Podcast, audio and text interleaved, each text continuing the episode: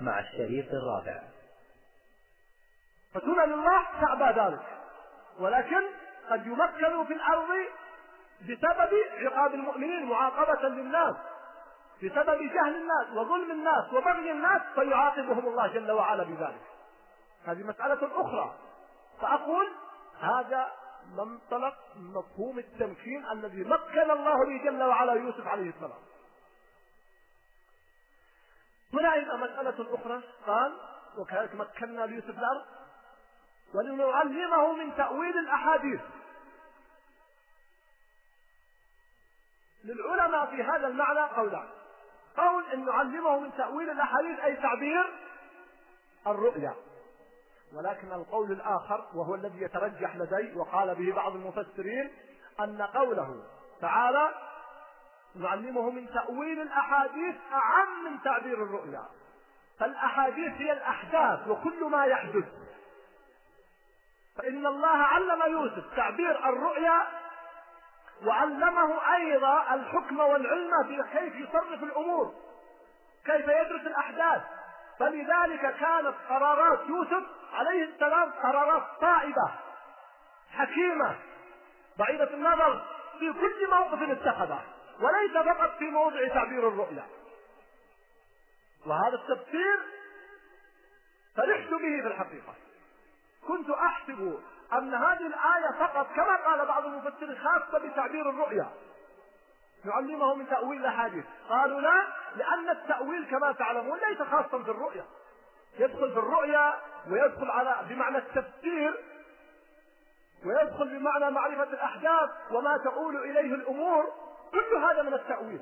فمعنى التأويل واسع وشامل لكن هناك تأويل سائر وتأويل غير سائر.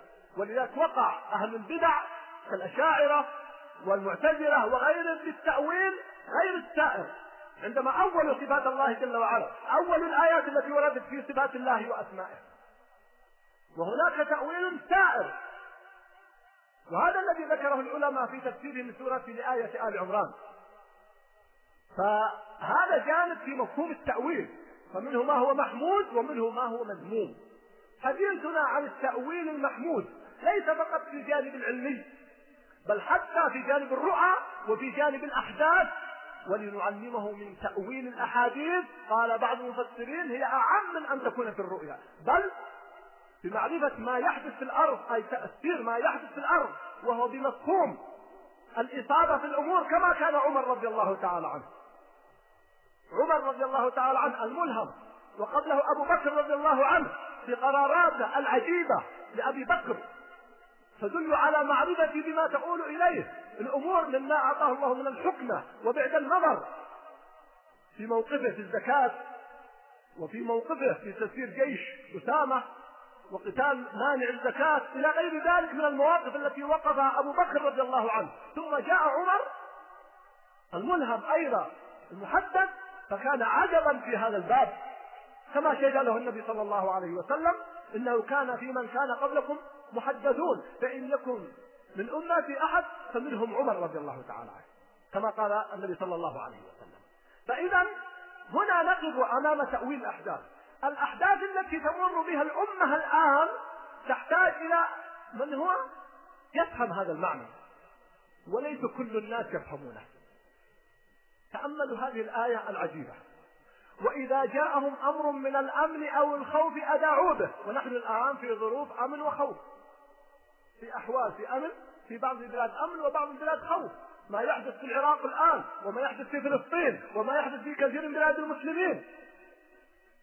فيقول الله جل وعلا وإذا جاءهم أمر من الأمن أو الخوف أذاعوا به. ولو ردوه إلى الرسول وإلى أولي الأمر منهم ما قال الله جل وعلا لعلموه. قال لعلمه الذين يستنبطونه منهم. يعني حتى أولي الأمر وهم العلماء لأن كلمة لعلمه تدل على أنها خاصة بالعلماء أن المراد بأولي الأمر هنا هم العلماء. لأن كلمة لعلمه تدل على أنهم العلماء كما ذكر ذلك بعض المفسرين. ومن آخر من استنبط هذه الآية الشيخ عبد العزيز قاري حفظه الله إياكم وقال هذا دليل أن المراد بهم العلماء يرجع إليهم في الملمات ويرجع إليهم في المهمات. إذا جاء أمر من الأمر أو الخوف رجع إليهم. فهنا قال لعلمه الذين يستنبطونه منهم. فليس كل العلماء يدركون هذا الأمر. فهذا من تأويل الأحاديث ولذلك هناك بعض الناس يكون له تحليل للأحداث. لا يوفق في تحليله. بينما تجد آخرين لهم رؤى قد تكون من عشر سنوات أو خمسة عشر عاما ذكروها أو عشرين سنة والأحداث تجري كما توقعوها. وليس هذا من علم الغيب. لا والله أعوذ بالله ادعاء علم الغيب كبر. والعياذ بالله إنما هذا يستدل على ما يأتي بمقدمات. وهذا الذي تحدثت عنه أيها الأحبة قبل سنوات في والسنة ثم عوامل أخرى ذكرتها هناك. هي التي تعين وتساعد المسلم على رؤية المستقبل وكيف يتعامل مع المستقبل وكيف تكون أموره. لأن مع كل أسف الجهل بهذا العلم أوقع الأمة في بلاء حتى دخل في ضعف الولاء والبراء وما يتعلق بهذا الركن العظيم. إذا تأويل الأحاديث هنا وجود العالم الذي يعطيه الله العلم والحكمة. ولذلك قال ولما بلغ أشده آتيناه حكما وعلما. هي هذا تفسير لهذه الآية أيضا. الحكم هنا ليس المقصود به الملك. آتيناه حكما ليس المقصود به الملك هنا. إنما هو أعم من ذلك. هو معرفة الأحكام. وهي الحكمة مع العلم. والعطف هنا يدل على أنه ليس كل من أوتي علم قد أوتي حكم. فقد يكون الإنسان عالما وحكيما وهذا هو الأصل والأكثر. وقد يكون الإنسان عالما وليس حكيما. كاليهود. اليهود علماء لكن ليسوا حكماء. الذي آتاه الله آياته فانسلخ منها. عالم. قال الله جل وعلا آتيناه آياتنا. لكنه لأنه ليس بحكيم انسلخ منها والعياذ بالله. فلينتبه لهذه المسائل. ولذلك هذا الجانب معرفة وقراءة المستقبل وتحليل هذا الواقع ليس رجما بالغيب وليس أيضا كلام نبي أنه لازم يصح 100% هو توقعات لا يعد أن يكون توقعات مبنية على أسس لكن أصبح علما مستقلا الآن. فيوسف عليه السلام أعطاه الله جل وعلا تأويل الأحاديث. وثبت هذا من خلال كل سيرته من أولها إلى آخرها عليه السلام. الأمة تحتاج إلى هذا النوع من العلماء. الذين يجمعون مع العلم إلى الحكمة وإلى بعد النظر وإلى الاستنباط أن يكونوا من الذين يستنبطونه إذا جاءهم أمر من الأمن أو الخوف أذاعوا به. ولو ردوه إلى الرسول وإلى أولي الأمر منهم لعلمه الذين يستنبطونه منهم أن يحرص كل عالم. وكل طالب علم أن يكون من الذين يستنبطونه من أولي العلم والحكمة وليس العلم فقط.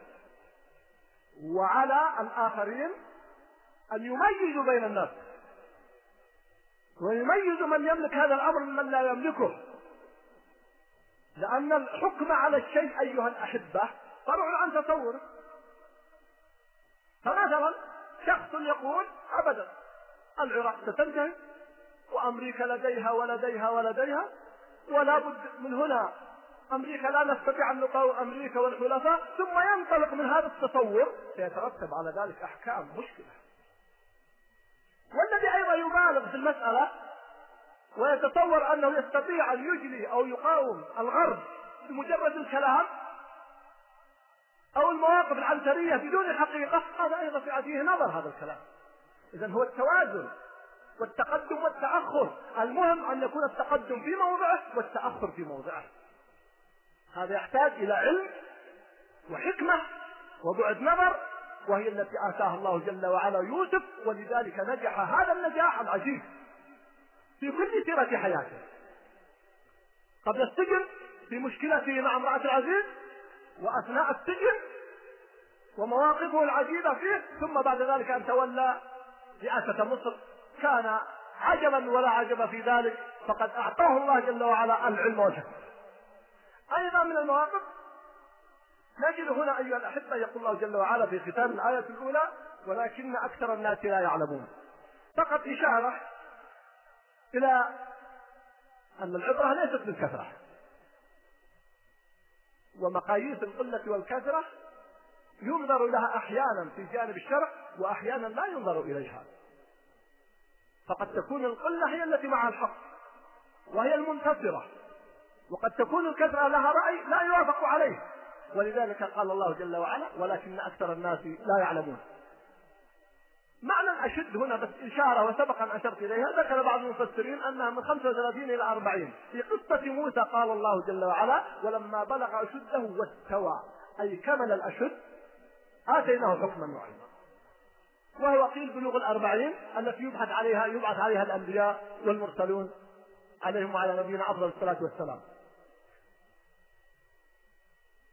إذا أنتقل بعد ذلك إلى آخر فقرة وعدتكم بها في هذا الدرس وهي صلب هذا الموضوع وأربطها بواقعنا الآن ربطا مباشرا.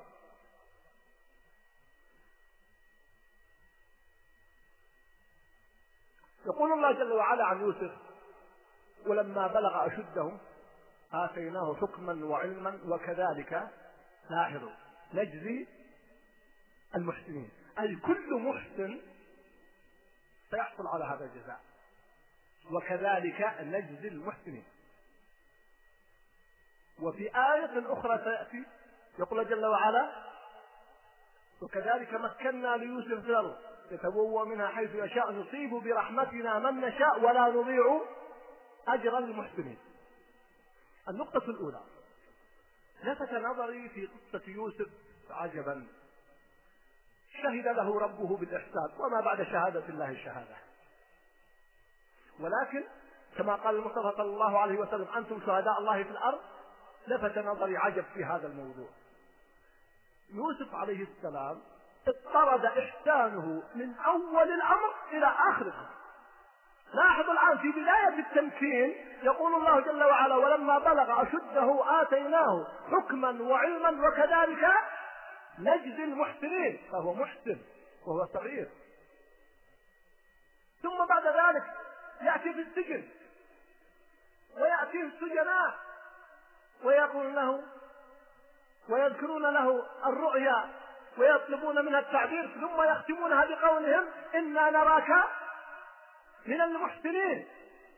يعني عبر لنا رؤيانا إنا نراك من المحسنين. ثم بعد ذلك يذكر الله جل وعلا أنه أعطاه الملك لما تولى رئاسة مصر. قال ولا نضيع أجر المحسنين. ثم يأتيه إخوانه وهم لا يعرفونه ولا يعرفون أنه يوسف ولكن من سيرته وهو على أنه عزيز مصر. يقول يا أيها العزيز إن له أبا شيخا كبيرا فخذ أحدنا مكانه إنا نراك من المحسنين. ثم هو يختم كل هذه المواقف لما قال له إخوانه أأنت يوسف؟ قال أنا يوسف وهذا أخي. ثم ختمها بقوله إنه من يتقي ويصبر فإن الله لا يضيع أجر المحسنين. شيء عجيب جدا في هذه السورة. تعالوا ما هو الإحسان هذا؟ إحسان يوسف عجبا والله يا أخوان. وضيق الوقت يمنعني من أن أسترسل كثيرا ولكن أقول إحسان يوسف هو الذي مكن له في الأرض لأن الله ختم آية التمكين الأولى والثانية بقوله في الأولى وكذلك نجي المحسنين وقال في الثانية ولا نضيع أجر المحسنين ما هو إحسان يوسف؟ إحسان يوسف عظيم لا أستطيع أن ألخصه في كلمات. من أعظم إحسان يوسف إيمانه بالله جل وعلا.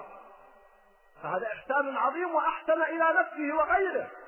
وهذا مضطرد في قصة يوسف. فكل أمر يعيده إلى الله جل وعلا لقوة إيمانه.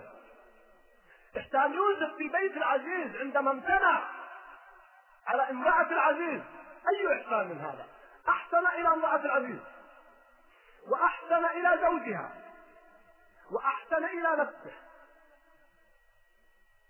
إحسان عظيم عند امتناعه عن هذه المعصية. بينما إذا وقع آخرون كم يفسدون في الأرض؟ يفسدون المرأة والرجل ويفرقون البيت ويسيئون إلى أنفسهم أيضا. فيوسف عليه السلام أحسن إحسانا عظيما. أحسن يوسف عندما اختار السجن على هذه المصيبة.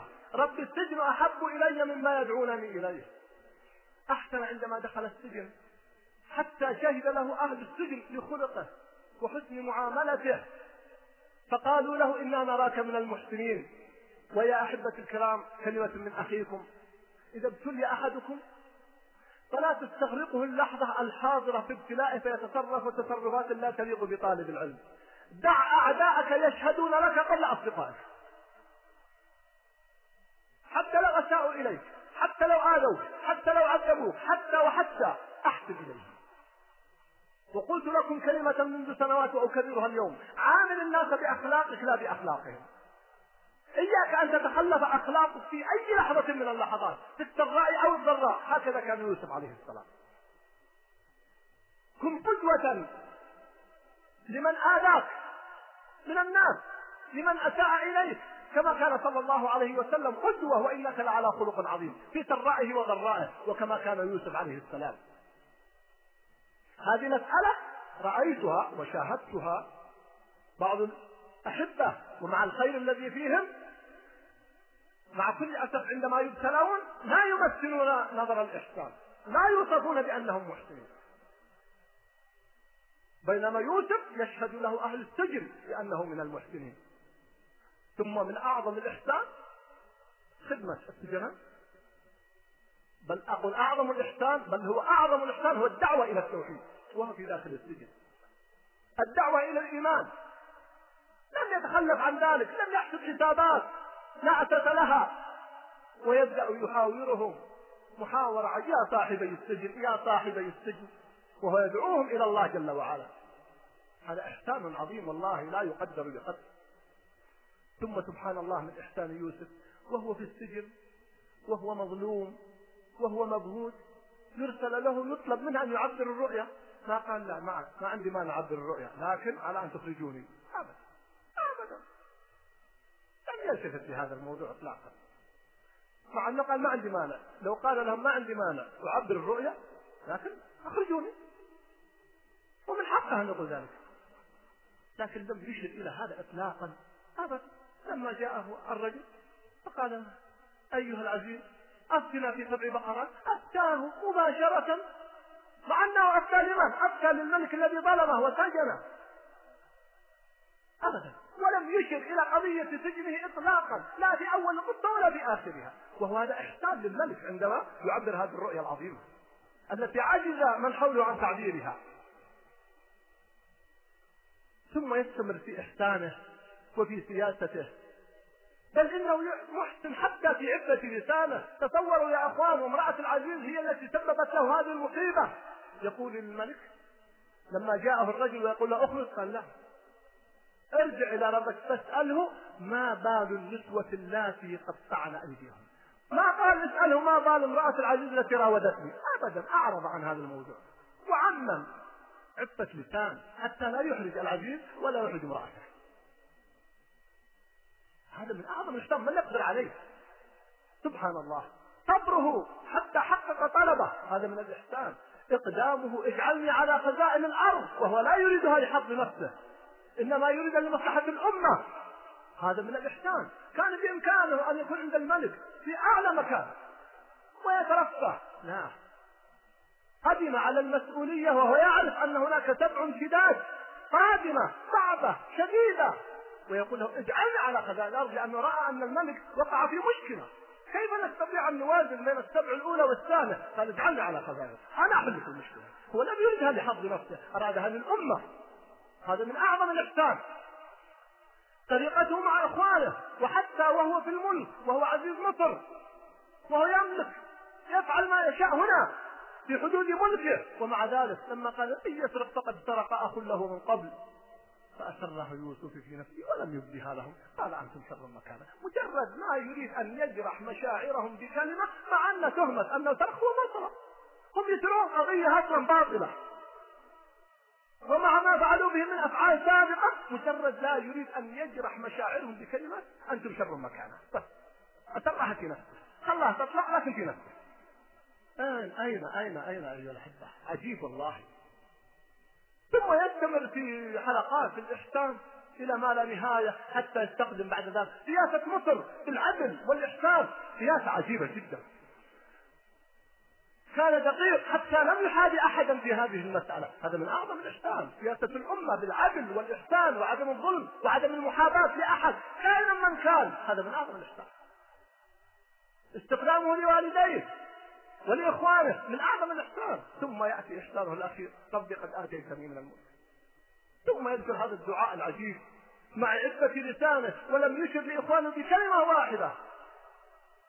وعلمتني من تأويل الأحاديث فاطر السماوات والأرض يدعو بهذا الدعاء العجيب ويسأل الله أن يتوفاه مسلما. وقد استجاب الله لدعائه لأن محمد صلى الله عليه وسلم رآه لما أسري به في السماء الثالثة أو الرابعة. هذا هو يوسف. ولذلك مكن الله له. بل هذه بعض صفحات يوسف عليه السلام من إحسانه ولذلك مكن الله له. فأقول إن إحسان يوسف وهذا المثل العجيب. ما جاء مجرد أن نتسلى بهذه القصص إنما هي عبر ودروس لانتصار هذه الأمة. لقد كان في يوسف وإخوة آيات للسائلين. أي تسألون كيف تمكنون في الأرض؟ انظروا كيف مكن يوسف. مكن بالإيمان مكن بالإحسان مكن بالتوحيد مكن بالصبر مكن بالجهاد مكن بهذه السيرة العالية الأخلاق الرفيعة في السراء والضراء إذا كنا كذلك فأبشروا بالتمكين في الأرض. وواصل إن شاء الله معكم في الأسبوع القادم بإذن الله. وصلى الله وسلم على نبينا محمد. السلام عليكم ورحمة الله وبركاته. بسم الله الرحمن الرحيم. نواصل أيها الأحبة مع سورة يوسف هذه السورة العظيمة. أيها الأحبة السؤال كيف انتصر يوسف عليه السلام؟ وكيف وصل إلى ما وصل إليه؟ وكيف نصل إلى ذلك؟ الذي يتتبع سورة يوسف عليه السلام وسيرة يوسف يجد أنه مر به من الآلام والمحن والكرب أعظم مما يمر بنا الآن. مر به وهو فرد من الغربة وذل العبودية وفتنة الشهوة والسجن وغير ذلك ما تتلاشى أمامه عزائم أقوى الرجال. ومع ذلك فكانت هذه النهاية العجيبة ليوسف عليه السلام. الذي يقرأ قصة يوسف في أولها هل يتصور أنه يصل إلى ما وصل إليه من عز وتمكين وسؤدد وقوة. وما أشبه الليلة بالبارحة. وقلت لكم عندما اخترت هذه السورة أنني اخترتها لأن الله قال فيها آيات للسائلين وقال في آخرها لقد كان في قصصهم عبرة لأولي الألباب. ما كان حديثا يفترى أقف اليوم مع بعض عوامل النصر وأهم عوامل النصر التي أخذ بها يوسف عليه السلام فحصل على العز والمجد والسؤدد في الدنيا والآخرة. فإذا أخذنا بها فإننا بإذن الله منتصرون وإننا بإذن الله غالبون على عدونا. فلا يأس. وكما قال يعقوب عليه السلام يا بني اذهبوا فتحسسوا من يوسف وأخيه ولا تيأسوا من روح الله إنه لا ييأس من روح الله إلا القوم الكافرون. في وقت اشتدت الأزمات على يعقوب عليه السلام وكثرت عليه المصائب وبعد عنه أبناؤه فإذا هو عليه السلام يقول هذه المقولة لأبنائه التي لا يقولها إلا من أعطاه الله علما وفقها وفهما كما قال وأعلم من الله ما لا تعلمون فيقول لا مكان اليأس حتى قالوا له تالله تبدأ تذكر يوسف حتى تكون حرضا أو تكون من الهالكين قال إنما أشكو بثي وحزني إلى الله وأعلم من الله ما لا تعلمون. يا بني اذهبوا فتحسسوا من يوسف وأخيه ولا تيأسوا من روح الله. إنه لا ييأس من روح الله إلا القوم الكافرون. في هذه الأحوال التي نعيشها وعباد الصليب يغزون بلاد المسلمين وإخوان القردة والخنازير يفتكون في فلسطين ومن خلفهم ومن أمامهم من أعوانهم من خونة هذه الأمة. قد تشتد القلوب وتصاب النفوس باليأس والقنوط. أقول لا يأس لا قنوط. كما لم ييأس يعقوب عليه السلام ولم يقنط ولم يتخلى عن روح الله فإننا ما أحوجنا إلى ذلك. ويوسف هذا الغلام الذي فقد أو فارق أبويه وأهله ومرت به هذه المحن حتى وصل إلى ما وصل إليه. أمتنا بحاجة إلى هذه الدروس على المستوى الفرد وعلى مستوى الأمة. بهذا نحقق النصر بإذن الله. وألخصها بما يلي.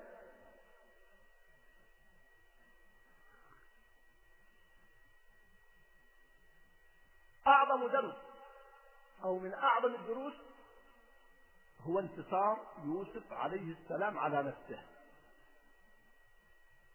ويا أحبة الكرام من هزمته نفسه لن يهزم عدوه.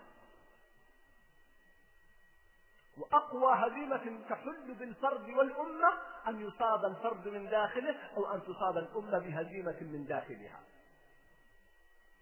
يوسف عليه السلام انتصر على نفسه.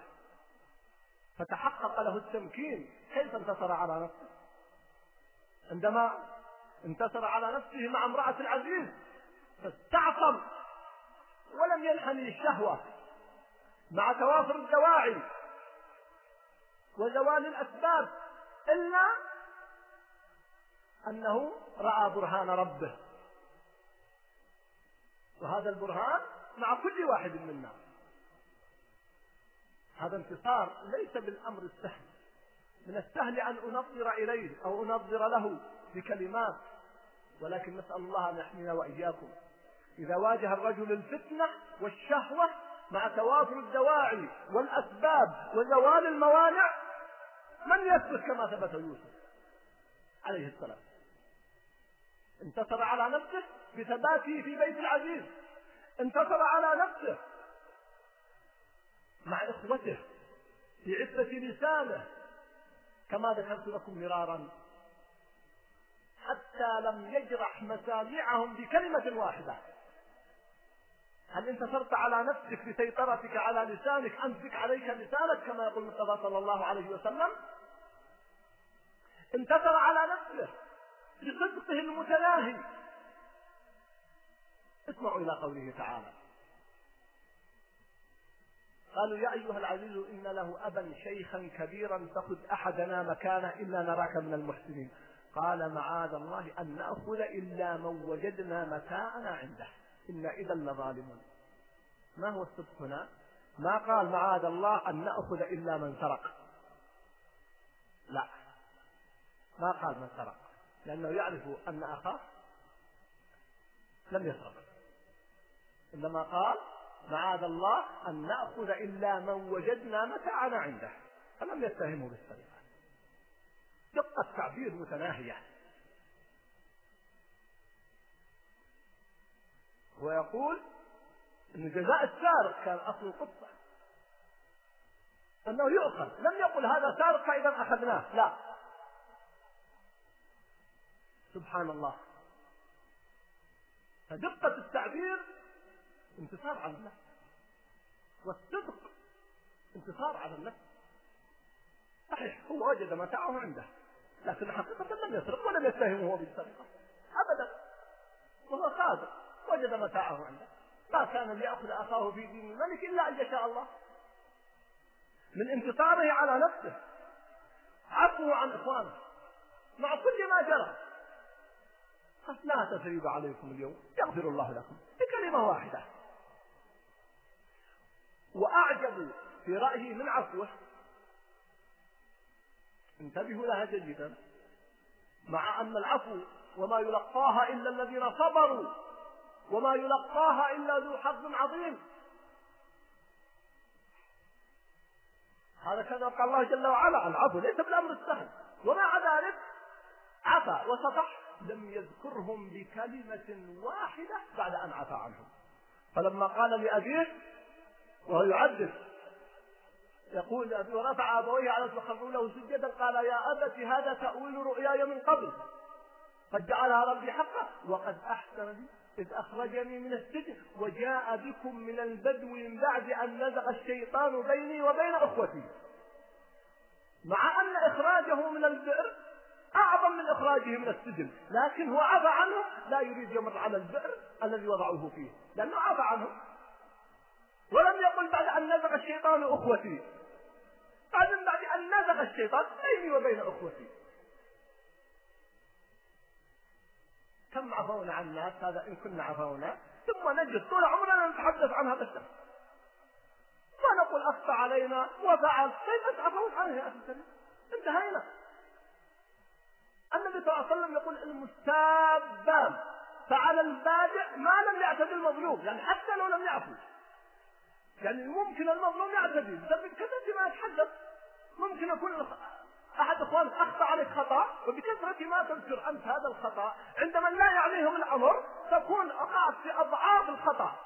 كيف إذا كنت سامحته وعفوت عنه؟ تسامحه وتعفو عنه وتبقى أحيانا سنوات وأنت تتحدث عن هذه القضية. أما تعلم ماذا يحل بك ما جنيته من أولاد يوسف أبدا عليه السلام. لما قال لا تثريب عليكم اليوم يغفر الله لكم التزم بهذه الكلمة فلم يمسهم ولم يوم إليهم ولم يشر إليهم. هذا انتصار على النفس. هذا الانتصار أولى مقدمات انتصاره العظيم أيضا ثانيا من مقومات انتصار يوسف صبره العظيم. بل صبره العجيب ولذلك هو قال في آخر المطاف لإخوانه إنه من يتقي ويصبر فإن الله لا يضيع أجر المحسنين. صبر يوسف عجيب صبره عند عندما أخذه إخوانه وهو صغير. لم ينطق ولم يذكر القرآن أنه تفوه بكلمة. صبره في بيت العزيز. صبره على مراودة النساء. رب السجن أحب إلي مما يدعونني إليه. صبره في السجن. صبر أصبح مضرب المثل للأمم في على مدار التاريخ صبر يوسف عليه السلام. صبره عندما تولى الرياسة والملك كيف كان صبره في هذا الأمر؟ ولذلك دائما أومئ إلى موضوع الصبر إنه من يتقي ويصبر فإن الله لا يضيع أجر المحسنين. ثالثا وآمل أن نرعي السمع لأهمية هذا الدرس. وكنت أردت أن أقتصر عليه فقط ولكن أدمجته مع بقية الدروس. من أقوى عوامل نجاح يوسف عليه السلام التخطيط وبعد النظر. وعدم الاستغراق في اللحظة الحاضرة.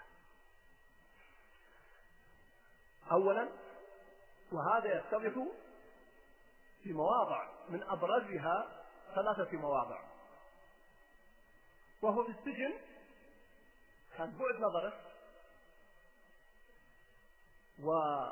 والتخطيط الذي سلكه عندما أتيحت له الفرصة بالخروج مع أن هذه حالة نفسية لا يعرفها إلا من مارسها. رفض ارجع إلى ربك فاسأله ما بال النسوة. عنده بعد نظر تخطيط سعيد جدا. حب الخروج ولذة الخروج والملك هو الذي يدعوه. ويفرج عنه بلا شرط ولا قيد. يقول لا.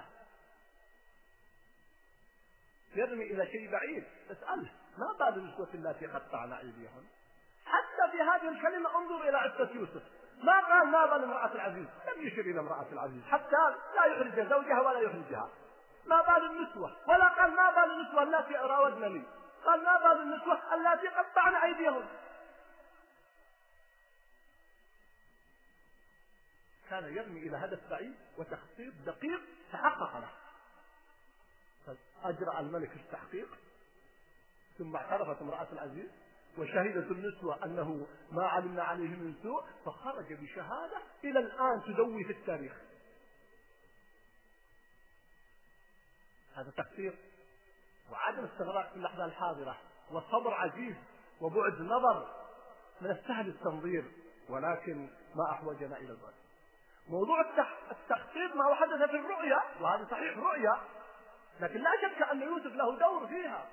عندما ذكر السبع الشداد وسبع الرخاء وكيف يستغل سبع الرخاء للسبع الشداد؟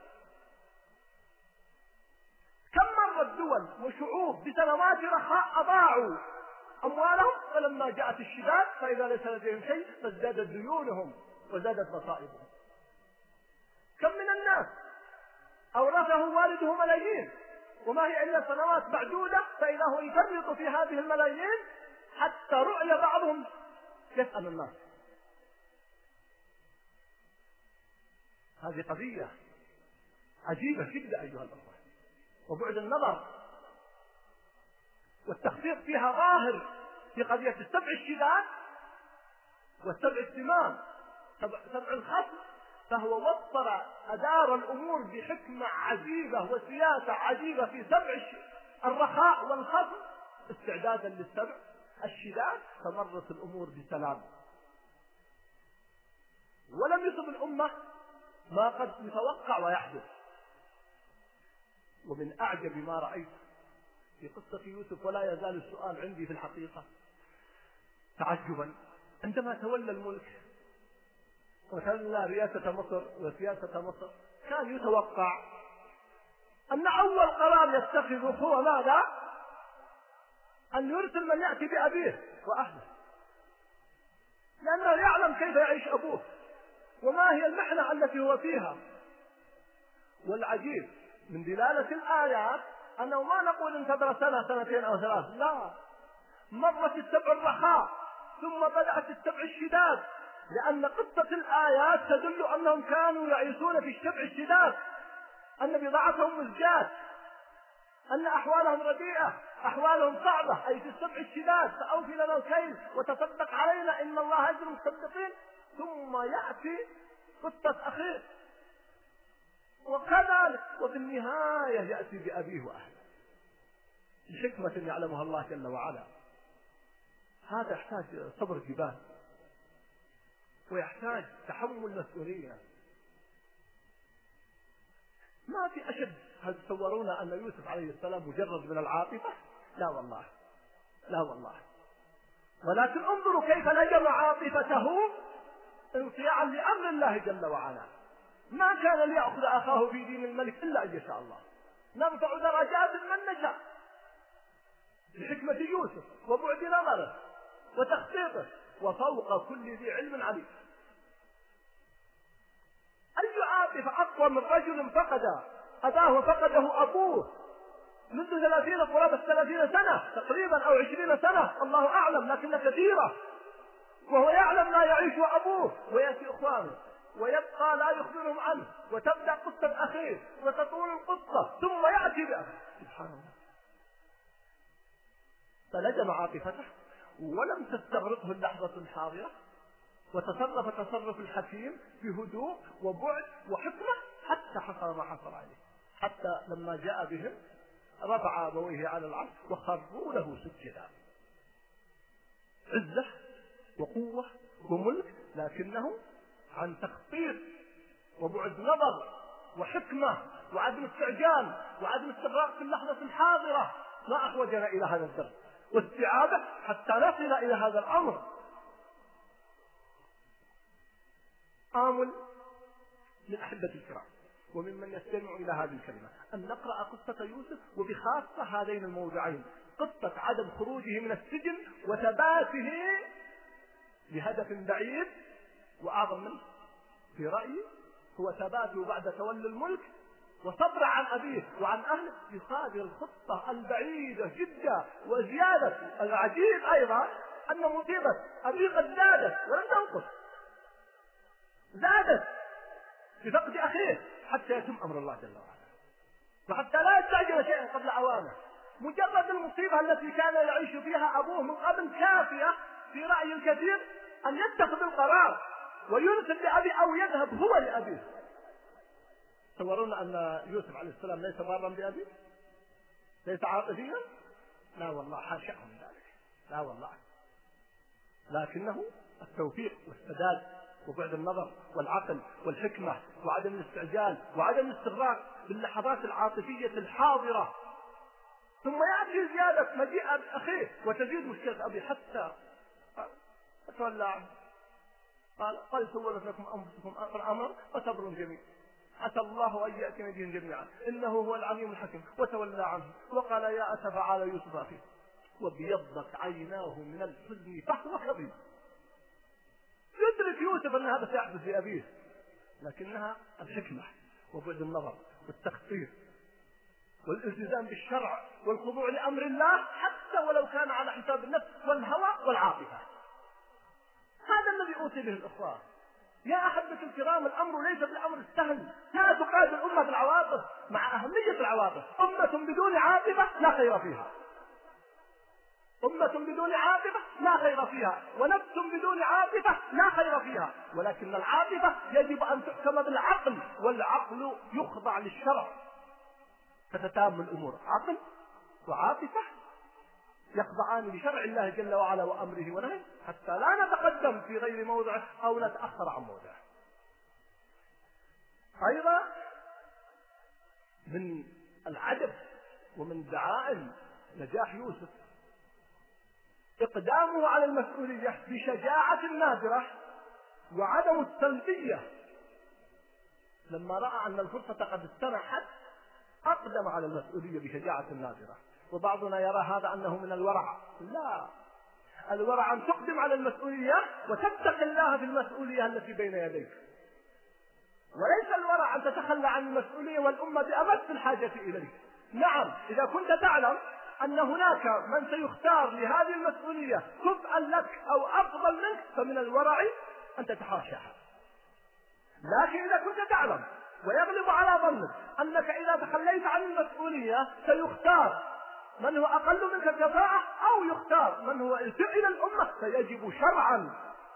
كما ذكر شيخ الإسلام أن تتولى وتقدم حتى ولو ارتكبت بعض المفاسد. من أجل أن تدفع المفسدة الكبرى بالمفسدة الصغرى. هذا شجاعة وإقدام. اجعلني على خزائن الأرض إني حفيظ عليم. هذا ليس طلبا للإمارة كما يتصور البعض. لا. هذه شجاعة وقوة ونادر. أين الأمارة في بلد مقبل على سبع شداد؟ أين الراحة؟ هو يستطيع أن يطلب من الملك أن يبني له قصر على الأنهار ويعطيه ما يشاء ويأتي بأهله يستطيع أن يفعل ذلك. لا لم يختر هذا الطريق. إنما اختار تحمل المسؤولية كما اختارها وكما قبلها بعبارة أدق عمر بن عبد العزيز. فسادت الأمة بالخير والعدل خلال سنتين وأشهر. رضي الله تعالى عنه ورحمه. في سنتين وأشهر. ملأ الأرض عدلا. وفاضت الخيرات. لما حكم بشريعة الله. هذا هو الجهد. يأتيه أبناؤه ويطلبون منه مال يسير ويرفض. ويقول أنتم أحد رجلين. إما رجل صالح فسيغنيه الله. وإما رجل آخر فوالله لا أساعده على معصية الله. يطلب من زوجته ابنة عمه فاطمة أن تخلع ما في يديها وتدخلها بيت مال المسلمين. ويخيرها أما بالبقاء معه أو أن تتخلى عن هذا ما في يديها لأنه من بيت مال المسلمين مجرد ذهب في يديها. يقسم أحد المؤرخين يقول والله لقد رأيت أبناء عمر بن عبد العزيز وبعضهم يحمل في الجهاد على عشرات أو مئات من الخير والمال الذي عنده. ورأيت بعض أبناء الأمراء ممن سبقه أو بعده وهم يتكففون الناس. سبحان الله. إذا يوسف عليه السلام أقدم على المسؤولية بنزاهة ودقة عجيبة جدا. فحفظه الله جل وعلا ومكنه الله جل وعلا وكذلك مكنا ليوسف في الأرض. أيضا مما يمكن به حسن السياسة والعدل في الرعية. عدله وحسن سياسته. اقرأوا السورة تجدون العجب فيها. وبهذا تستمر الدول وتستمر الممالك بالعدل كما قال شيخ الإسلام إن الله يعز ويبقي الدولة العادلة ولو كانت كافرة. وإن الله يذل ويهزم الدولة الظالمة ولو كانت مسلمة.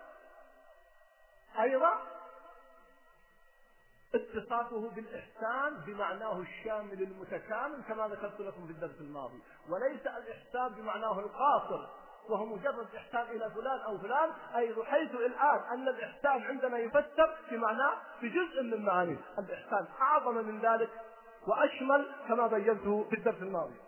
من أقوى علامات تمكنه وأسباب تمكنه وحصول مقصوده قوة إيمانه بالله وتوحيده وحسن توكله على الله وإعادته الفضل إلى صاحبه وهو الله جل وعلا. ذلك من فضل الله علينا وعلى الناس ولكن أكثر الناس لا يشكرون.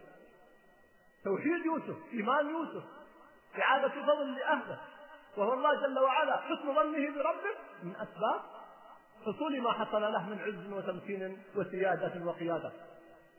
فإذا انتشر في بلاد المسلمين التوحيد ونصرت كلمة التوحيد فلتبشر الأمة بخير عظيم. آت لا محالة بإذن الله. من أقوى ما رأيت علامات تمكن يوسف عليه السلام اضطراده في منهجه وثباته عليه في جميع المراحل. في مراحل السراء والضراء. عند أبيه وهو صغير.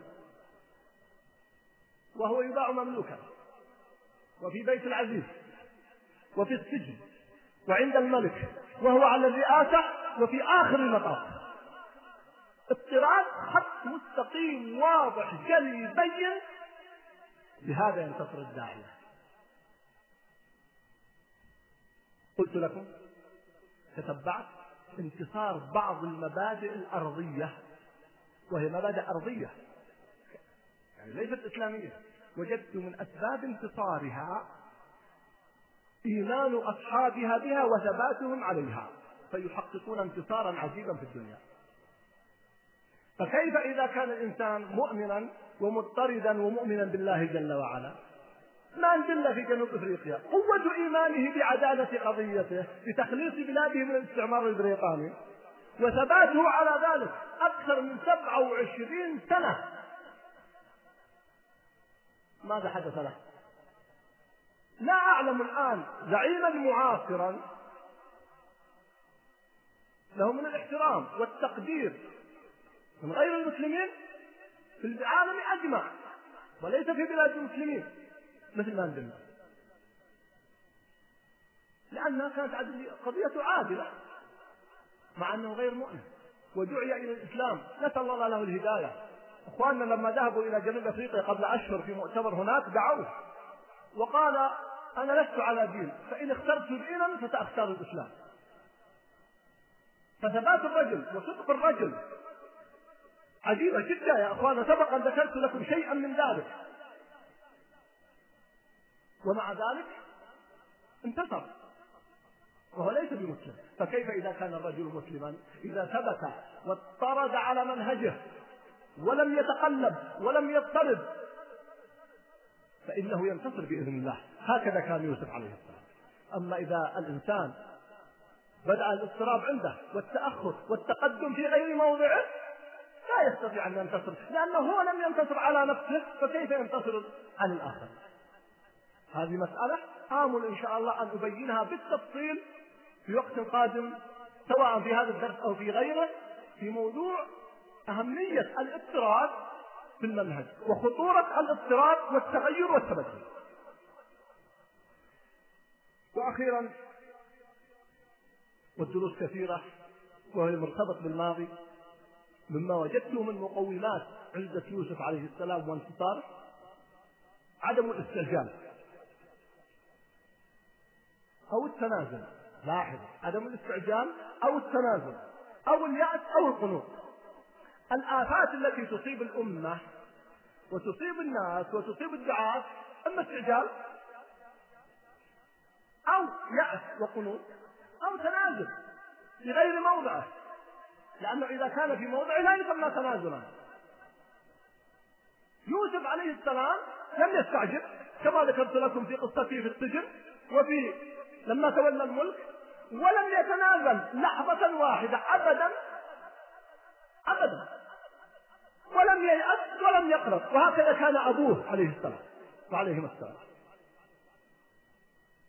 ضع هذه المعالم أمام عينيك الاستعجال التنازل اليأس القنوط التشاؤم فهي مهلكة ولذلك نبه إليها محمد صلى الله عليه وسلم في مواطن عدة وهو يقول لصحابته ومن هم الصحابة؟ في جهادهم وبلائهم.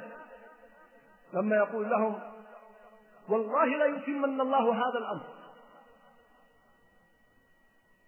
حتى يسير الراكب من صنعاء إلى حضرموت. لا يخاف إلا الله والذئب على غنمه ولكنكم تستعجلون. هذا يقال لصحابة محمد صلى الله عليه وسلم.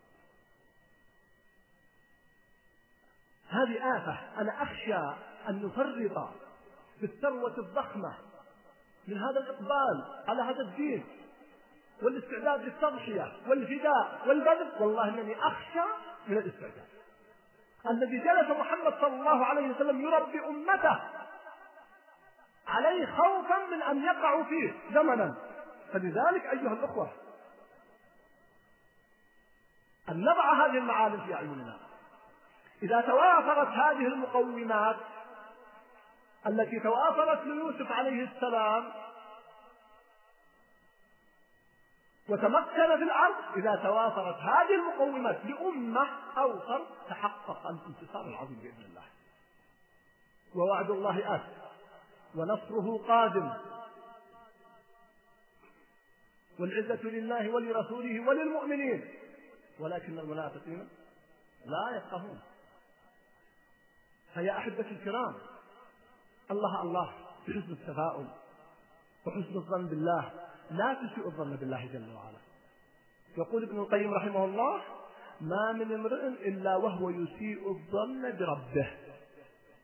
فبين مقل ومستكثر. وكل منكم يعرض نفسه بينه وبين ربه. هذه من أعمال القلوب. هذا كلام الشيخ الإسلام ابن القيم رحمه الله.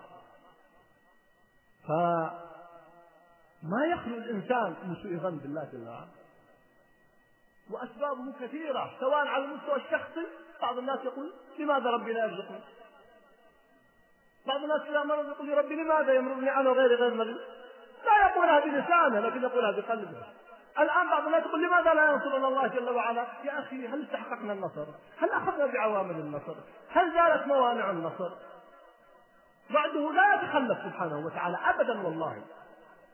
لكن إذا توافرت الأسباب وقامت الدواعي وزالت الموانع. يتحقق وعد الله لا محالة. إنا لننصر رسلنا والذين آمنوا في الحياة الدنيا ويقوم الأشهاد. والله غالب على أمره ولكن أكثر الناس لا يعلمون. الآيات متواترة في القرآن فالمصيبة فينا وفي أنفسنا وفي ضعفنا. فالله الله أحسن الظن بالله. وكونوا أكثر تفاؤلا بتحقق وعد الله. ولكن أن نأخذ بأسباب النصر وأن نصدق مع الله. يا أيها الذين آمنوا اتقوا الله وكونوا مع الصادقين. ولو صدقوا الله لكان خيرا لهم. أقول قولي هذا وأستغفر الله لي ولكم وأسأل الله أن يفرج عن أسر المسلمين في كل مكان وأن ينزل السكينة على قلوبهم وعلى قلوب أهلهم وأن يقر أعيننا بخروجهم. والله المستعان. وصلى الله وسلم على نبينا محمد. السلام عليكم ورحمة الله وبركاته. بسم الله الرحمن الرحيم. الحمد لله رب العالمين والصلاة والسلام على نبينا محمد وعلى آله وأصحابه أجمعين. أما بعد. موضوع اليوم في سورة يوسف عند قوله جل وعلا وراودته التي هو في بيتها عن نفسه وغلقت الأبواب وقالت هيت لك قال معاذ الله إنه ربي أحسن مثواي إنه لا يفلح الظالمون ولقد همت به وهم بها لولا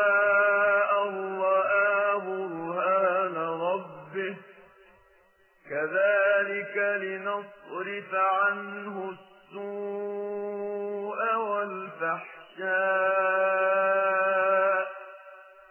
إنه من عبادنا المخلصين. فاستبق الباب وقدت قميصه من دبر وألف يا سيدها لدى الباب. قالت ما جزاء من أراد بأهلك سوءا إلا أن يسجن أو عذاب أليم. قال هي راودتني عن نفسي وشهد شاهد من أهلها إن كان قميصه قد من قبل فصدقت وهو من الكاذبين. وإن كان قميصه قد من دبر فكذبت وهو من الصادقين.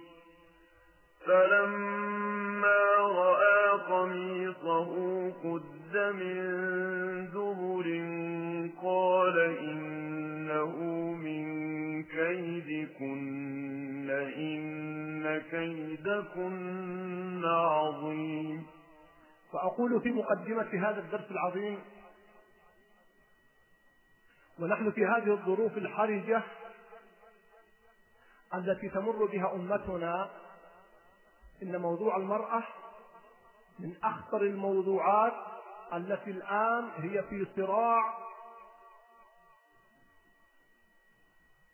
في واقع الأمة. وأبين لكم فأقول. قد لا يتوقع في الفترة القريبة وإن شاء الله نسأل الله ألا يتحقق حتى في الفترة البعيدة أن يكون هناك هجوم مسلح على بعض بلاد المسلمين كبلادنا وغيرها.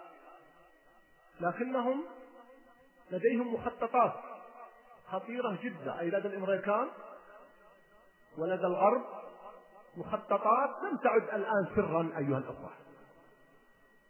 تتعلق في موضوعات عدة في تحكيم شريعة الله في موضوع المناهج وهذا نشرت مجلة المجلة قبل فترة ملف كامل قدم للكونجرس الأمريكي يتعلق بالمناهج في بلادنا وسيتخذ ودرسها الكونجرس الأمريكي من أجل أن يتخذ كما يقول القرارات المناسبة ما علاقته بنا وما دخله بشؤوننا.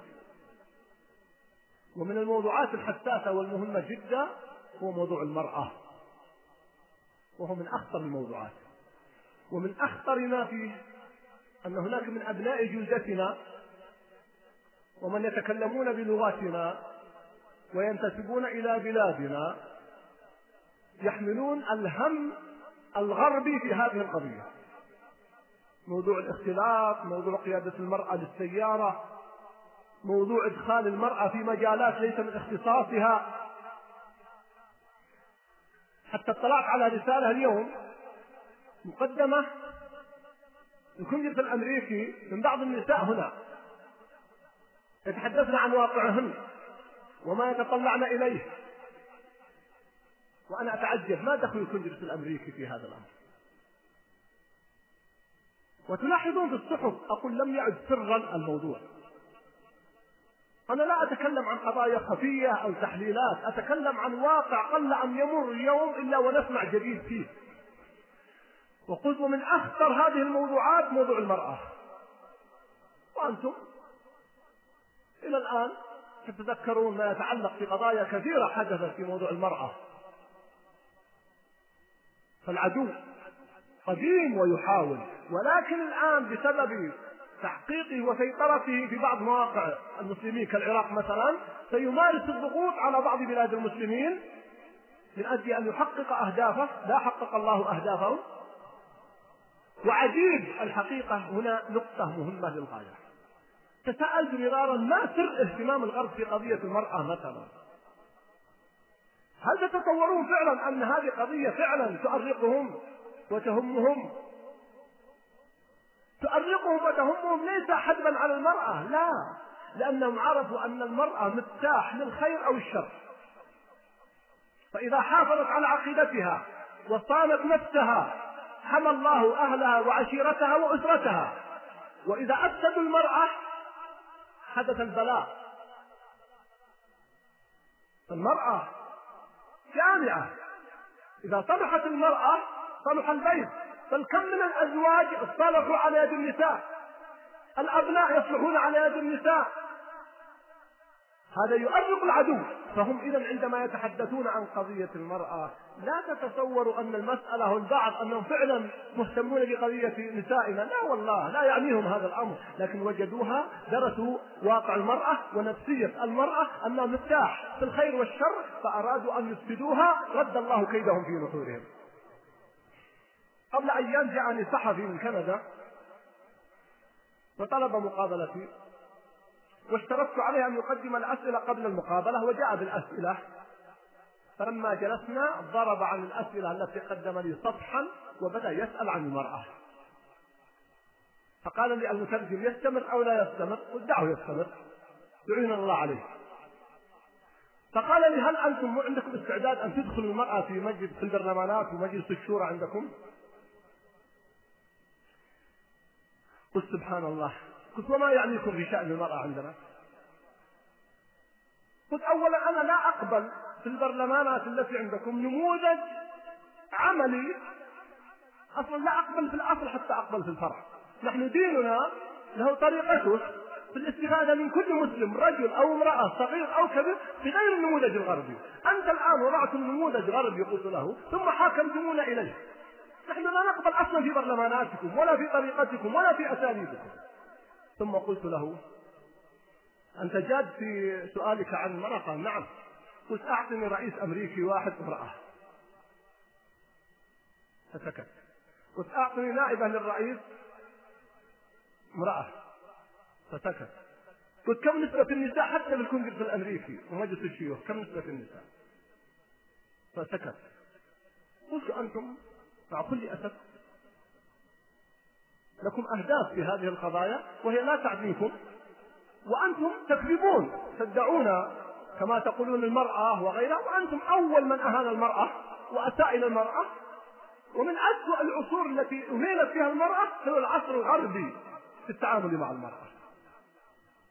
إذا أيها الأحبة أقول هذا موضوع أخاطبكم ومن يسمع وأخص الأخوات المعركة لما قلت لكم إن معركتنا مع عدونا ليست خاصة كما يتصور الأرض بالمواجهة في القتال. دون ذلك مراحل ومسائل. منها الآن التغريب.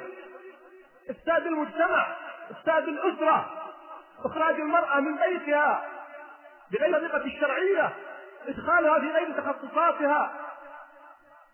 موضوعات كثيرة الآن هي معركتنا القادمة. في المناهج في المدارس في الأنظمة في الحكم. يريدون أن يتدخلوا في كل شيء. وهم يعلنون هذا صراحة جهارا. هذه معركتكم الأخوة الذين يقول ماذا نعمل؟ سبحان الله. هذا ميدانكم الآن. مع أهمية الجهاد والاستعداد للجهاد الحقيقي. لكن أقول ليس هذا وقت فيما يخصنا إنما وقت المواجهة في قضية الأفكار في الصراع مع أعداء الله في ميادين كثيرة منها هذا الموضوع موضوع المرأة. ولهذا عندما نقرأ قصة امرأة العزيز والنسوة ندرك الكيد والأثر السلبي الذي يقع عندما يبتعد الناس عن منهج الله جل وعلا. ففي هذه القصة فيها وجهان. الوجه الإيجابي الذي رسمه يوسف عليه السلام والوجه السلبي الذي قامت به امرأة العزيز. والأثر الذي يحدث في المجتمع بعد ذلك. لعلنا في خلال دراستنا هذا اليوم وكذلك الأسبوع القادم حتى أكمل بإذن الله القصة واصل مع هذا الموضوع. وكيف نتعامل معه؟ والدروس في هذه الآيات ثم بإذن الله بعد أن أنتهي من تحليله فيما يتعلق بسورة يوسف أقف وقفة أخرى فيما يتعلق بموضوع المرأة والهجمة الشرسة على المرأة وما هو واجبنا تجاه هذا الأمر سواء النساء أو الرجال. العلمانيون الآن وهم أذناب للغرب. خذوا مضاجعهم ما يرون من حصانة نسائنا. عندما يبلغهم أن فقط كما قلت لكم في منطقة الرياض فقط والحمد لله أكثر من أربعين ألف امرأة في مدارس تحفيظ القرآن. وفي البيوت أخرى صالحات لم يلتحقن بتحفيظ القرآن. في بنات ونساء صالحات في الجامعات في الثانويات. بل بعضهن لم يتعلمن. يعني أربعين ألف في منطقة الرياض لا تمثل إلا نسبة يسيرة من الصالحات الأخيار والحمد لله. هذا يقض مضاجع الأعداء. فأقول إن أمامنا طريق طويل مشاق. مواجهة هذه الهجمة من أعداء الله حتى لا تخرج المرأة عما أكرمها الله جل وعلا به. وأبدأ مع هذه القصة العجيبة. من أول ما لفت نظري في قصة يوسف وقصة امرأة العزيز أن الأدباء قديما وحديثا يكتبون عن المرأة.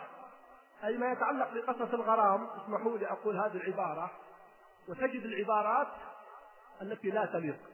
حتى قرأت لبعض الكتاب الإسلاميين لن أذكر أسماءهم. فيهم خير وصلاح ولكنهم عندما يتحدثون عن موضوع المرأة وقصة الغرام يأتون بعبارات لا تليق ولا تناسب.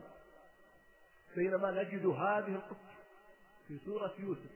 وهي تذكر قصة عميقة ودقيقة جدا وراودته التي هو في بيتها عن نفسه وغلقت الأبواب وقالت حيث لك؟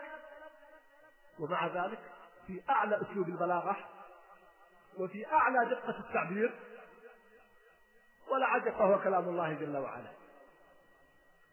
حتى قال العلماء أنها لما لقيت زوجها ما قالت من أراد بأهلك فاحشة قالت من أراد بأهلك سوءا حتى هي دقيقة في عباراتها في عرض القصة. إذا بالإمكان يا أخي الكريم أن تكتب أي قصة لأي موضوع ولا تتخلى عن الأسلوب الرفيع عن الأسلوب الأديب. وهذا هو الأدب الإسلامي الحقيقي يؤخذ من القرآن. وليس كما هو واقع مع كل اسف عند بعض الأدباء وعند بعض حتى بعض الكتاب الإسلاميين من الأدباء. إذا جاءوا لهذا القصص نزلوا وأسقوا مما لا ينبغي. ويقول لا يمكن أن تتم القصة إلا بهذا الأسلوب. هذا غير صحيح. نقول إن أسلوب القرآن في هذه القصة مع أنه يعرض مشاهد دقيقة للغاية في أسلوب رفيع عالي قدوة ومثال ونموذج. وهو أسلوب القرآن ولا عجب الذي أعجز بأسلوبه وأعجز العرب على ذلك. وقفة أخرى. خطورة الخلوة. وآثارها وهذا يكفي في حديث المصطفى صلى الله عليه وسلم ما خلا رجل بامرأة إلا كان الشيطان ثالثهما. ولا أطيل لوضوحها وبيانها. فيه وقفة مهمة جدا لمن يرجع إلى سورة يوسف. مما آلمني كثيرا وأحزنني ما رأيته من كثير من المفسرين في عرض قصة امرأة العزيز مع يوسف. جاءوا بإسرائيليات بعضهم لم يرد عليها. إسرائيليات باطلة. وذكروا حتى مما ذكروا عن يوسف عليه السلام أنه قالوا حتى إنه حل سراويله وأنه حل كذا وكذا. كلام لا ينبغي أن يذكر وهو باطل من وجهين. الوجه الأول كما قال الشيخ السعدي رحمه الله أن الله سمى هذه السورة وسمى القرآن أحسن القصص. إذا هو كامل لا نقص فيه فأي زيادة لم ترد ولم تثبت بطريق صحيح فلا يثبت لها. فكأنه قدح في أنه أحسن القصص. والثاني يا أحبتي الكرام دليل عقلي. هؤلاء الذين نقلوا لنا ماذا فعل يوسف في داخل الغرفة مع امرأة العزيز والله جل وعلا يقول وغلقت الأبواب. يعني ما عندهم أحد. سراكم أنه فعل كذا. من الذي أخبركم؟ من الذي أعلمكم؟ هل جاءكم بحديث صحيح؟ هل ذكر في القرآن؟ أبدا. الله جل وعلا يقول وغلقت الأبواب ليس عندهم أحد. ولم يرد في السنة وإلا لأخذنا به. إذا نرميها وخاصة أنها مصادمة للنصوص ومصادمة لعصمة يوسف عليه السلام. حتى بعضهم يقول حل سراويله حل هيلمانه حتى بعضهم قال وقع كاد أن يقع ما يقع الرجل من امرأته. حاشا وكلا والعياذ بالله. ووقع في هذا كثير من المفسرين بعضهم عقب وبعضهم لم يعقب. وبعضهم رحمهم الله من كبار المفسرين أعرضوا فتحا عن هذا الكلام. لا ينبغي أن نحشى فيه التفسير ولا ينبغي أن يقال عن أنبياء الله وأن نكتفي بما عرضه الله جل وعلا عن هذه القصة العجيبة. فنقول هو مردود شرعا وعقلا. وهو من الإسرائيليات التي حشيت بها كتب التفسير فكونوا على يقظة لأن بعض الأخوة أرسل لي مرة ما يقول ذكر هذا المفسر فلان. فلو ذكر المفسر فلان. رحمهم الله. هذا خطأ وينتبه إلى ذلك. وهذا منهج واضح أن ننقي كتبنا وكتاب الله جل وعلا من الإسرائيليات. ومن أشباه الإسرائيليات الروايات الآن التي تحدث الإشاعات الأقوال الباطلة. لا حقيقة لها خاصة في أثناء الفتن. فلنبتعد عن ذلك. أيضا أيها الأخوة في هذه القصة؟ سبحان الله. جميع مقومات الإغراء والأسباب البشرية متوافرة والموانع زائلة ومع ذلك وقف يوسف هذا الموقف العجيب. فاستعصم. هذا الذي قال مثله النبي صلى الله عليه وسلم سبعة يظلهم الله في ظله يوم لا ظل إلا ظله وذكر منهم رجل دعته امرأة ذات منصب وجمال فقال إني أخاف الله. طبقها يوسف عليه السلام. شاب في عز الشباب غريب عن أهله والغريب غير القريب. امرأة ذات منصب وجمال أغلقت الأبواب كل المقومات متوافرة لكن بقي مقوم عظيم عنده وهو أنه رأى برهان ربه فاستعصم. ما أحوجنا إلى تأمل هذا الموقف وأتعداه إلى غيره لأنني سأبني درسي على الاختصار حتى لا أطيل عليكم. موقف يوسف إنه كان من المحسنين. فيه الإحسان هذا الموقف من ثلاثة أوجه. إحسان إلى نفسه وإحسان إلى العزيز وإحسان إلى المرأة. امتناعه عن الفاحشة عليه السلام أحسن إلى نفسه ولا شك وأحسن إلى العزيز لأنه لما يأتي امرأته كيف يحدث؟ وأحسن إلى المرأة نفسها. فهو في قمة الإحسان. ولذلك قلت لكم في خمسة مواضع في سورة يوسف كلها وصفه بالإحسان عليه السلام. هذا معنى الإحسان بالمعنى الدقيق العجيب. بل هو أيضا حتى في معنى الإحسان الذي ذكره في حديث جبريل ذكره النبي صلى الله عليه وسلم. قال الإحسان أن تعبد الله كأنك تراه. فإن لم تكن تراه فإنه يراك. فيوسف عليه السلام موقفه كأنه يرى الله جل وعلا. كما في بعض أقوال التفسير إنه ربي أحسن مثواي فسرها بعضهم أي يقصد الله جل وعلا. أيضا من هذه الدروس إنه ربي أحسن مثواي. اختلف العلماء في قوله. بعضهم قال إنه يقصد يشير إلى ربه جل وعلا. لأنه قال معاذ الله. إنه ربي أحسن مثواي والضمير يرجع إلى أقرب مذكور. وهذا ظاهر. لكن بعض المفسرين ومنهم شيخ الإسلام ابن تيمية رحمه الله واختاره عدد من المفسرين أنه قال معاذ الله. ثم انتهى الكلام. ثم ابتدأ فقال إنه ربي أحسن مثواي يقصد زوج المرأة الذي هو العزيز. والدليل على ذلك ما سبق من آيات قليلة في قوله لما قال لامرأته وقال الذي اشتراه من مصر لامرأته أكرمي مثواه. فلما أكرم العزيز مثواه حفظ له يوسف هذا الموقف فقال ما ينبغي هو أحسن إلي وأسوء إليه. ولذلك أيها الأخوة الإحسان إلى الناس. صغارا وكبارا تقبض الثمن عاجلا وآجلا. فأحسن إلى الناس. لا تحتقر أحد. حتى لو استطعت أن تحسن إلى بهيمة وإلى دابة بل إلى كلب. كما أحسنت المرأة البغي إلى كلب فغفر لها. فكيف إذا أحسنت إلى إنسان؟ كيف إذا أحسنت إلى مسلم؟ أحد الإخوان يقول أهديت علبة شبشي لعامل من العمال كافر فكانت سببا لإسلامه. مع أنني أرى أن لا تشربوا البشتين لا يفهم مني خطأ. بعض الإخوان عندهم حساسية. عندما أذكر اسم شخص يقول طيب أنت ذكرت فلان يعني هذا تزكية له. سبحان الله. يا أخي أنا في سياق حديث عام. وجاءتني رسائل. إذا ذكرت اسم شخص أو جريدة أو لا أنا أخشى بكرة يأتي من يقول طيب أنت تزكي البنسلين ترى شرب البنسلين الآن أنا ما أشرب البنسلين فترة الحمد لله. يعني.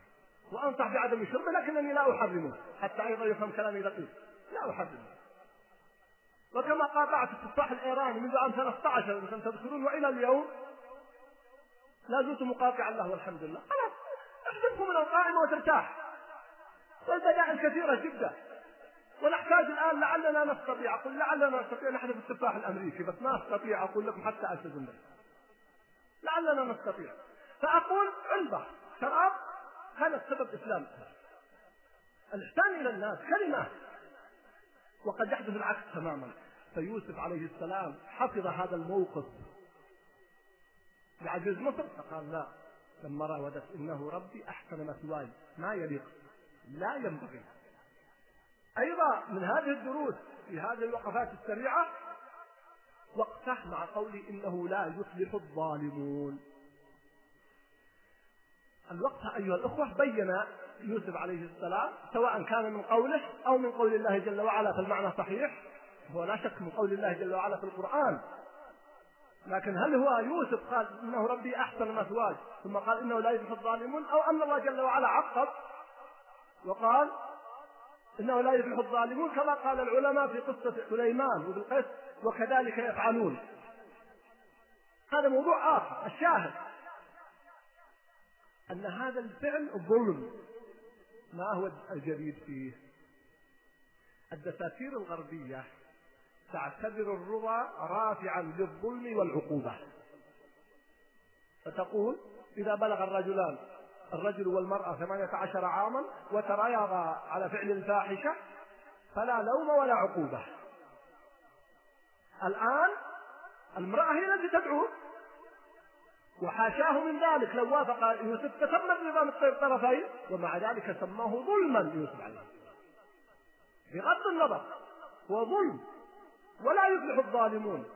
وعدد من الدساتير العربية التي ابتعدت عن منهج الله جل وعلا وعن تحكيم شريعة الله الآن تأخذ بهذا النظام الغربي أنه إذا بلغ الشاب أو الرجل والمرأة سن معينة بغض النظر عن هذا السن وفعل الفاحشة برضاهما فلا عقوبة ولا شيء وأذكر القصة التي تعلمونها حدثت في دولة عربية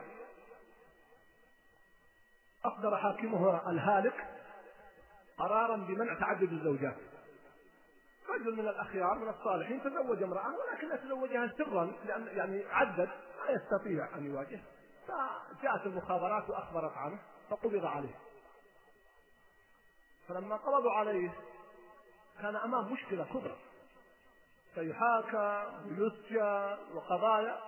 جاءه من يقول له إذا مثلت أمام المحكمة لا تقل إنها زوجتي قل هي خليلتي أو صديقتي حتى تخرج من هذه المشكلة. فلما ممثل أمام المحكمة وقال قبل عليك أنك معك امرأة تزوجت وخالفت الدستور وخالفت الأنظمة. قال أنا حقيقة ما أردت أن أقول لكم أما الآن وقد ظهر الأمر هذه ليست زوجة لي وإنما هي صديقة وخليله قالوا يطلق سراحه ما دام برضاه ما خلاص. أنظمة كافرة والعياذ بالله صريحه كفر ما فيها. يوسف عليه السلام هنا يقول إنه لا يفلح الظالمون. برضا ولا بغير رضا؟ فهو ظلم. ظلم للرجل وظلم للمرأة وظلم للعائلة للزوج ولغيره وللأب وللأهل. هذه مسألة دقيقة في التعبير هنا. قد نغفل عنها. الرضا وحده؟ الذين نتعامل تكن قاعدة أخرى؟ الآن كثير ممن يتعامل بالربا. التراضي في عقد بين البنك وبين المراضي وبين التعامل بالربا هل الرضا دليل الجواز لا. الرضا ليس دليل الجواز. فيوسف نقل لنا نقلة هنا في هذه الآية. ما دام أن الأمر محرم فهو ظلم. سواء رضي الطرفان أو لم يرضى أو رضي أحدهما أو لم يرضى الآخر أو أجبر أحدهم على فعل شيء فهو ظلم والظلم حرام. لا ينظر إلى التراضي في هذا الأمر أما إذا كانت مباحة أعمال مباحة فهنا يكون التراضي مشروع. هو القاسم في المسألة. يا أيها الذين آمنوا لا تأكلوا أموالكم بينكم بالباطل إلا أن تكون تجارة عن تراض منكم. أي لما يكون عملا مباحا. أما ما عدا ذلك فلا. فيفهم خطأ في هذه المسألة. ننتبه لهذه الدقة. التعبير إنه لا يفلح الظالمون. أيضا أكيد في ذهن الإخوان سؤال ولقد همت به وهم بها. ماذا نقول عن هذا الهم؟ أطال المفسرون كثيرا وما رأيت مسألة وقف عندها المفسرون في سورة يوسف مثل ما وقفوا عند هذه المسألة وبعض المسائل اليسيرة. بعضهم غفر الله لنا ولهم وقعوا في أسركم فهم بها قالوا ما بقي إلا الوقوع فيها. أن يقول حمل الله اليمامة والذي يقول حل سراويله والذي يقول قرب كان أمور لا أستطيع أن أذكر وبعضهم أخذ الطرف الآخر. قال لا نقدر وهذا قول في الحقيقة ذكر عدد من المفسرين. قال نقدر تقدير وهم بتركها ولقد همت به. وهم بها أي أنه هم بها لولا أن رأى برهان ربه كأنهم يقولون. لولا أن رأى برهان ربه لهم بها. يقولون في تقديم وتأخير. فيكون سياق الآية ولقد همت به فلولا أن رأى برهان ربه لهم بها. هذا قول يقابل الطرف الآخر الذي قالوا هم بها جعلوه فتنة دون الفاحشة. والذي يظهر لي أما الأول فضعيف بإطلاق أما القول الثاني فقال به أئمة من أئمة المفسرين وأئمة اللغة. ولكن أقوى الأقوال وفي أقوال أخرى لا أشغلكم بها أقوى الأقوال. وهو ما رجحه الشيخ شيخ الإسلام ابن تيمية رحمه الله. وأيضا إن لم تخن الذاكرة فكذلك الإمام أحمد. قبل ذلك. وأيضا ذكره عدد من المفسرين ورجحوه. أن الهم هنا على وجهه وهو هم القلب فقط. فقط. ولقد همت بها هم فعل. لماذا هم فعل؟ لأنه واضح. افعل. هلم. هيت لك. لم يكتفى بقوله حتى يقول لماذا أنتم تفسرون همها في الفعل؟ يعني محاولة وهمه بغير ذلك. القرائن بقية الآية تؤكد هذا. ولقد همت به أي هما حقيقيا أي تريده وتراوده عن نفسها لأنها قالت له هيت لك. وبقية الآيات فيما بعد تؤكد هذا. أما هو فقد هم هم القلب. قال العلماء وهذه صفة مدح وليست صفة ذم وهي تسجل ليوسف عليه السلام. لماذا؟ قالوا لأنه إنسان مكتمل الرجولة. فكون قلبه يتحرك هذه صفة مدح أنه مع أن فيه صفات الرجولة والقوة ومع ذلك استطاع أن يمنع نفسه. أولى من إنسان ما عنده شهوة ولا قوة. وعمل القلب غير مؤاخذ به.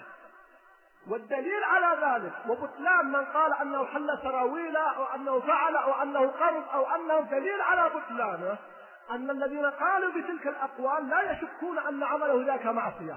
ونحن نقول إن هم القلب ليس معصية لسببين. للأحاديث الصحيحة التي تدل على أن هم القلب فقط لا يؤاخذ به الإنسان. ما لم يعمل أو يعزم أو يتكلم. وثانيا قاعدة أعجبتني. قال بعض المفسرين دليل أن يوسف كان هم قلب فقط ولم يقع في معصية أنه ما من نبي وقع في خطأ في القرآن أو معصية إلا استغفر الله جل وعلا وذكر الله استغفاره. إلا يوسف هنا. فلو كان وقع في ذنب أو وقع في خطأ مما يقول بعض المفسرين لاستغفر ولذكر الله استغفاره من ذنبه.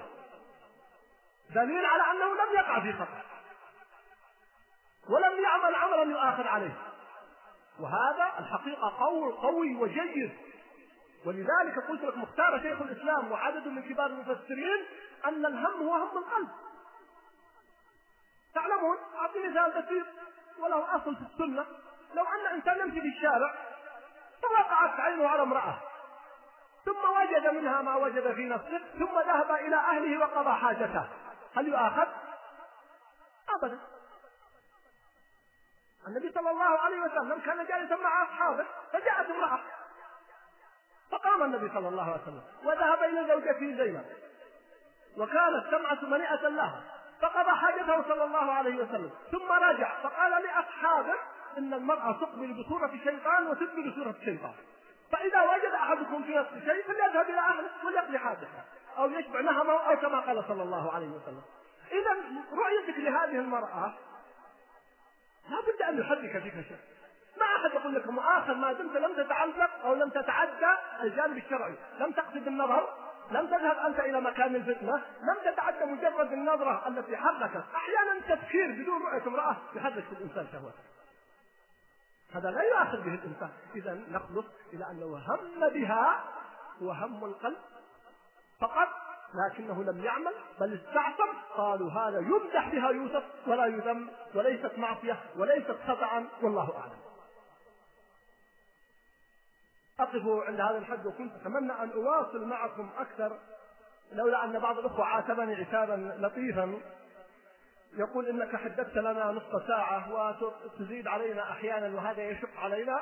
وحيث اكتملت نصف الساعة أقف عند هذا الحد وأواصل إن شاء الله. في الأسبوع القادم مع بقية هذه القصة العجيبة المؤثرة التي فيها علاقة بواقعنا الذي نعيشه الآن. سأبرزه من خلال هذا الطرح. أسأل الله جل وعلا أن ينفعنا بما نسمع. وصلى الله وسلم على نبينا محمد. والسلام عليكم ورحمة الله وبركاته. بسم الله الرحمن الرحيم. الحمد لله رب العالمين. والصلاة والسلام على نبينا محمد وعلى آله وأصحابه أجمعين. نواصل مع هذه السورة مع سورة يوسف.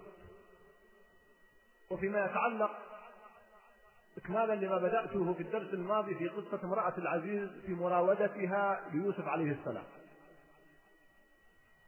وقلت إن قضية المرأة من أهم القضايا التي الآن يتحرك فيها العلمانيون وأصحاب الشهوة وأصحاب الهوى ويقولون إن المرأة لدينا مظلومة.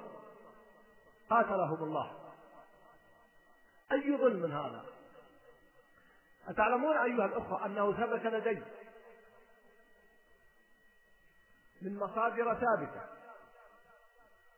أن رصيد النساء لدينا في البنوك الآن أكثر من رصيد الرجال الأموال الموجودة كرصيد حتى أكون دقيق في تعبيري وليس كرأس مال في تجاراتهم الأخرى. أي ظلم للمرأة؟ وهي تملك من المال ومن الرصيد الآن بل ذكر لي بعض المتخصصين أن نسبة رصيد النساء الآن في البنوك سبعين بالمئة. أكرم الله المرأة وأعطاها حق التصرف في مالها. لا يحق لأبيها ولا أو لا يحق لزوجها أن يتصرف في مالها. أما الأب فأنت ما ومالك لأبيك كما أن يحق في حق الرجل كذلك في حق المرأة. لا يحق لأبنائها أن يتصرفوا. أي إكرام! الغرب هؤلاء الذين يدعون أنهم كرموا المرأة تتنقل المرأة باسمها على عدد زواجاتها. بينما المرأة لدينا مكرمة معززة يبقى اسمها من ولادتها حتى وفاتها. فلانة بنت فلان. عدد الآن الموظفين والموظفات عدد النساء المدرسات أكثر من الرجال. فالمرأة مكرمة معززة في مجالها والحمد لله. وهذه الدعاوى باطلة. ماذا يريدون بالمرأة؟ لأنهم يعرفون أنها مفتاح الفتنة والبلاء فولجوا فيه. فلا تستمعوا إليهم. وأخص الأخوات أن عليهن مسؤولية كبرى في هذا الجانب. أولا برفض هذه الدعاوى ولا يستخفنك الذين لا يؤمنون. لا يستخفوا بالقول من لا يوقن. ثانيا أن يردنا نحن أن تأتي المرأة وخاصة والحمد لله أن النساء لدينا أصبح من طالبات العلم. بل أقول غير مبالغ أن لدينا من النساء من العالمات كما كان في عهد السلف العدد الكبير أن يردن الشبه. لأنه يسمع من المرأة أكثر أحيانا مما يسمع من الرجل. وأن يغلق باب الفتنة. هذه مقدمة أكررها وأؤكدها ونحن نتحدث عن قصة امرأة العزيز في سورة يوسف. وقفنا عند قوله تعالى ولقد همت به وهم بها لولا أن رأى برهان ربه. كذلك لنصرف عنه والفحشاء إنه من عبادنا المخلصين. ما هو البرهان؟ وقع المفسرون أو وقع كثير من المفسرين رحمهم الله في موضوع الإسرائيليات.